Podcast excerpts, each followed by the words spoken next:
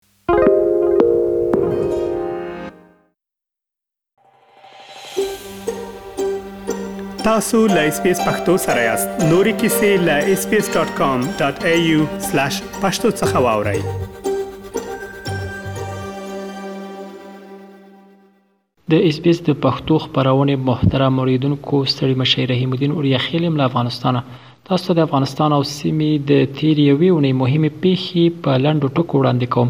هیله ده چې تر پایه مې ملتیا وکوئ د ملګرو ملتونو په ملاتړ یو راپور کې چې د تیرې اونۍ د جمعې په ورځ خپور شو افغانستان یو ځل بیا د ناخوښو هیوادونو په سر کې راغی راپور کې بیا فنلنډ د پنځم ځل لپاره د نړۍ خوشحاله هیواد بلل شوی. په دې کلني راپور کې د یو سلو شپږ څلوېښت هیوادونو په اړه نظر څرګند شوی دی. راپور کې بلغاریا، رومانیا او سربیا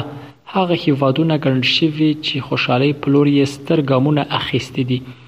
د نړۍ د خوشحالۍ د کچې د معلومولو راپور دا لسم کال دی چې په پرله پسې توګه خپرېږي دا راپور د یو هیواد د استوګنو د تشخیص همدارز د همدې هیواد د اقتصادي او ټولنیز وضعیت د بنسټ له مخې جوړېږي د خوشحاله هیوادونو په ډله کې فنلنډ وروسته دنمارک راغلی دی آیسلنډ دریم سویس څلورم او هالنډ پنځم ځای خپل کړی دی په ناخوښو هیوادونو کې بیا له افغانستان وروسته د لبنان او وینزویلا نومونه راغلي دي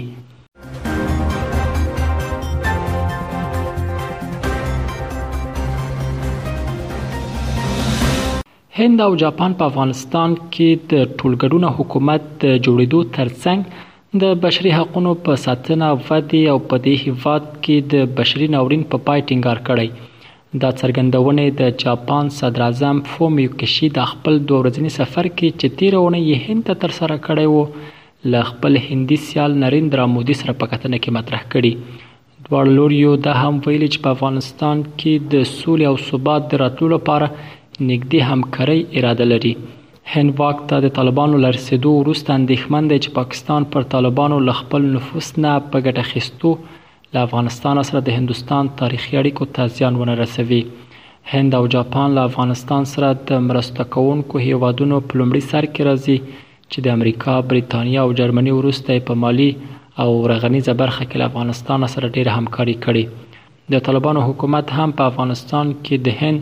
او جاپان مثبت رول ته قایل دي او ترې هیله لري چې د دوی په اړه منفي ذهنیت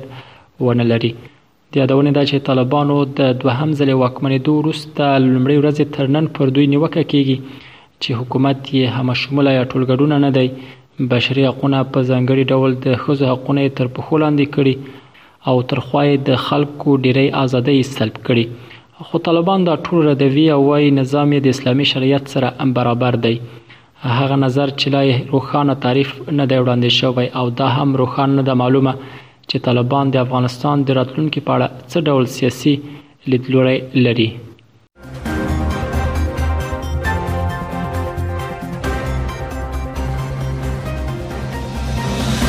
د افغانستان مخکنی ولسمشر محمد اشرف غنی د دوشنبه په ورځ د نوي کال په مناسبت په یو غږیز پیغام کې چې د هغه په فیسبوک پاڼه خپور شوی وو د افغانستان د اوسنی وضعیت د حل لپاره د ملي خبرو او بحث په پیل کېدو ټینګار وکړ. هغه په خپلو خبرو کې وویل چې هغه افغانان باید یو بل ته لاس ورکړي او یو بل ومني چې په تېرو لسیزو کې له یو بل سره جګړه کړې ده. نوموړي د طالبانو د حکومت د نوم له اخیستو پرته وویل چې ملي مشروعیت اساس دی او ملي مشروعیت د زړونو د یو کولو او د فکرونو د یووالي له لارې ترلاسه کېدای شي. ښاغلي غني وویل چې افغانستان کې باید داسې نظام راشي چې تلپاتې وي او ټینګار یې وکړ چې باید واک د څو محدودو کسانو په لاس کې نه وي. ښاغلي غني په خپلو خبرو کې دا هم وویل چې افغانستان نه باید د بشري مرستو مستعمره وي. هغه طالبانو ته په اشارې وویل چې واک ترلاسه کول اسانه دي، خو د هغه ساتل او تحکیم سخت دی. د یادونې ده چې غني تېر کال د اګست په پنځلسمه نېټه له کابل څخه ووت او بیا اماراتو څخه په یو ویډیويي پیغام کې وویل که له کابل څخه وتلی نه وو د وینو ویالې به بهیدلې وې.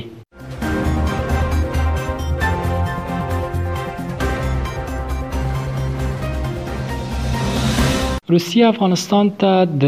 مایع ګاز لیک چې د 2020 کال په نیمایي کې د کرونا وبا په ګډون د ځینو لاملونو له امله درولی و بیرته پیلوي د رویټرز خبري اژانس د راپور له مخې روسیه دغه اقدام وروسته له هغې اخلي چې د اوکراین د جګړې له امله یې له لویدیځ سره د سوداګرۍ دودیزې لارې له لاسه ورکړي. د ریفټینیف ایکون ویبپاڼې د معلوماتو له مخې د روسیې په اورینابورک ښار کې د ګازو د پروسس له تاسیساتو به چې چارې یې د روسیې ګازپروم دولتي شرکت د قزاقستان د ګازو له دولتي شرکت سره په ګډه سمبالوي په روانه میاشت کې څه باندې لس نیم زره ټنه ګاز افغانستان ته صادر کړي. رویټرز همداراز راپور ورکړی چې د قزاقستان د قازروس ګاز شرکت سمدستي په دې اړه څرګندونې نه دي کړي. د راپور له مخې معمولا د ګاز له دغو تاسیساتو به مایع ګاز په اورګاډي کې د اوکراین ازمایل بندر او بلاروس ته لیږدول کېدل، خو د اوکراین جګړې دا شرکت اړ ایستلی چې نورې لارې ولټوي.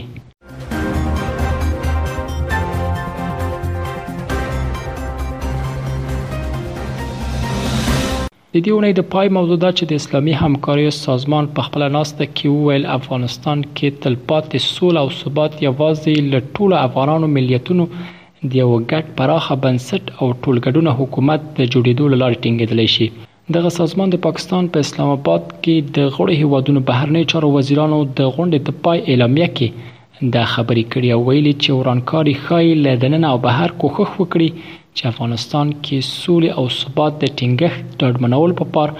روانو هڅو ته زیان ورسوي د اسلامي همکاریو سازمان په دې ناسته کې له نړیوالې ټولنې وغوښتل چې افغانستان کې د ورانکارو د رول او پارونو په اړه محتاط اوسي د اسلامي همکاریو سازمان په دې غونډه کې افغانستان سره د بشري مرستو هغه صندوق هم فعال کړ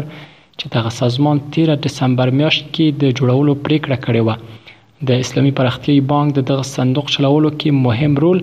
او نایجریا لومړی هیواد شو چې د یو میلیون ډالرو په ارزښت مرسته یې ورسره اعلان کړه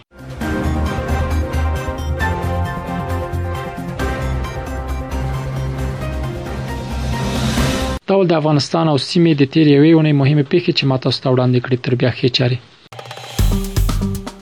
اس پی اس پختو په فیسبوک کې تا کې پلی مطلب یو فاک کړئ نظر ور کړئ او له نورو سره شریک کړئ